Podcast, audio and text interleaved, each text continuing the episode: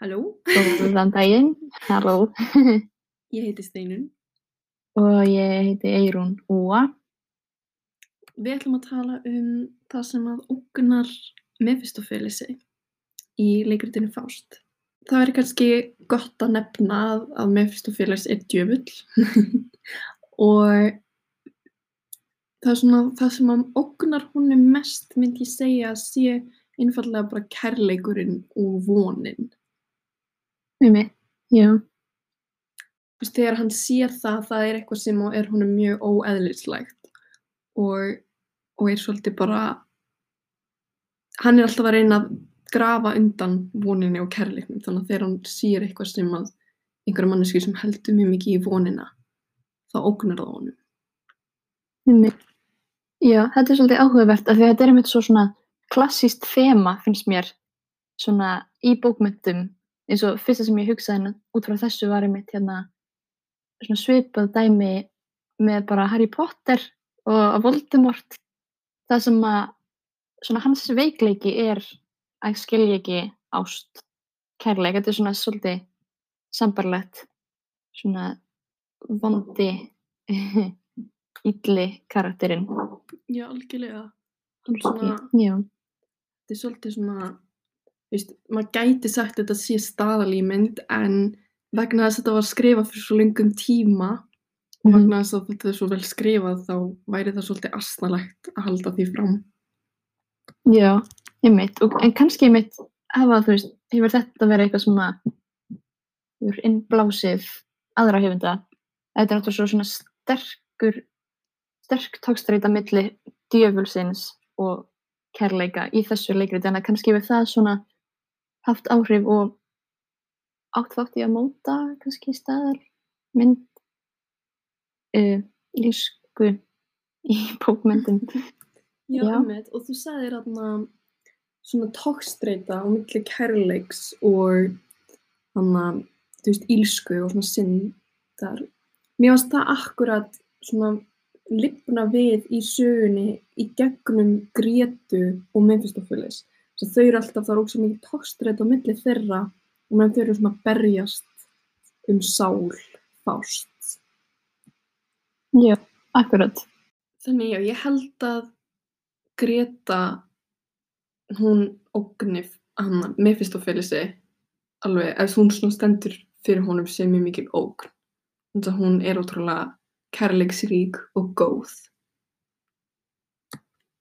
og það er svona hennar helsti einhvern veginn svona eiginleiki og eiginlega bara hennar já hlutverk þá í leikritinu er kærleikurinn um, já, Já, og svona, og, og svona einn ástæðan fyrir því að kærleikurinn og vonin og góðmennskan ógnar djöflinum svona mikið er að þetta fyrirbæri gerir hann svona algjörlega vandalausan.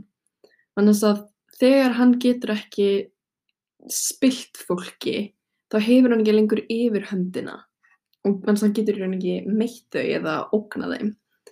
Þannig að einmitt hún Greta, hún er rosalega, hún er svo trúuð og hún trúir því að þegar hún deyr mun hún fara upp til Guðs og alveg eins og Guð segir í endan þá segir hann hún er frelsuð og Já. hún leifir þar með ekki djöflinum að stýra sér og en svo hún bara veit að hann hefur engin áhrif á hana ef að hún trúir á Guð og að hún verði frelsuð og fari upp til himna í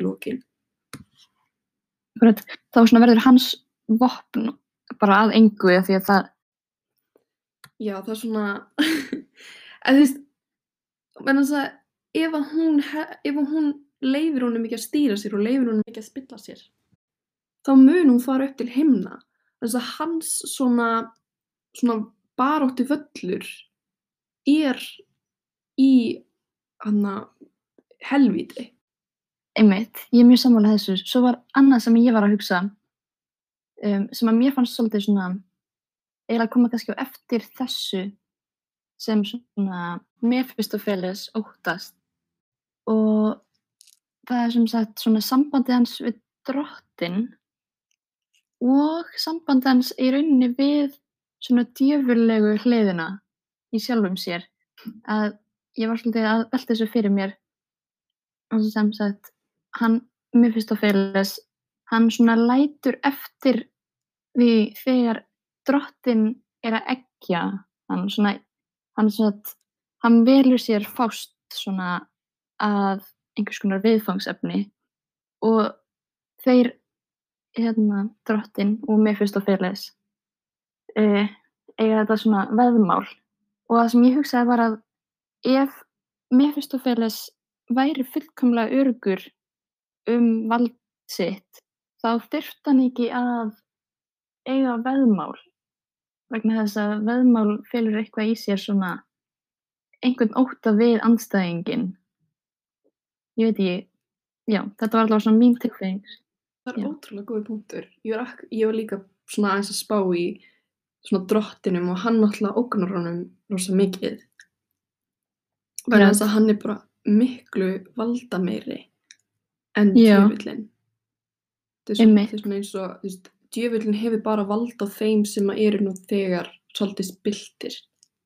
Já, einmitt, það var akkurat punktur sem að ég var að pæla svolítið í og ég svona, var svolítið bæði að hugsa þetta sjálf og grubla svona því sem að fólk hefur verið að skrifa um leikritið. Og hérna ég sá svona kenningu sem að mér finnst allavega svolítið mikið til í að hérna Fást, nei, Mephistopheles segja ég, um, að hann sé raun og veru ekki um, mesti, sko hann er byrtingamind skrattans og djöfulsins í Fást en hann hann verðist ekki endilega að leitast eftir því að spilla öllu fólki heldur akkurat um, finnur fólk sem er nú þegar spill að hans mati og safnar sálunum þeirra í helfvíti og þetta er ekki svona svo mynd endilega svona sterka mynd af djöflunum sem að maður sér allstæðar að svona hann, hann er ekki, virðist ekki vera al illur, al slæmur Nei, Og- já, hann svona, hann verður litið svona mannlegri í fást að svolítið svona bara litlum púka eða næstum því eins og svona svona hróa hett, eða svona þannig mynd, svona hrói hettur hann svona safnar vondafólkinu og setur það í færi djöflununa einmitt. Hann virðist ekki vera svona alveg sjálfur djöfullin heldur er hann einhver svona sem er í þjónustu við hann.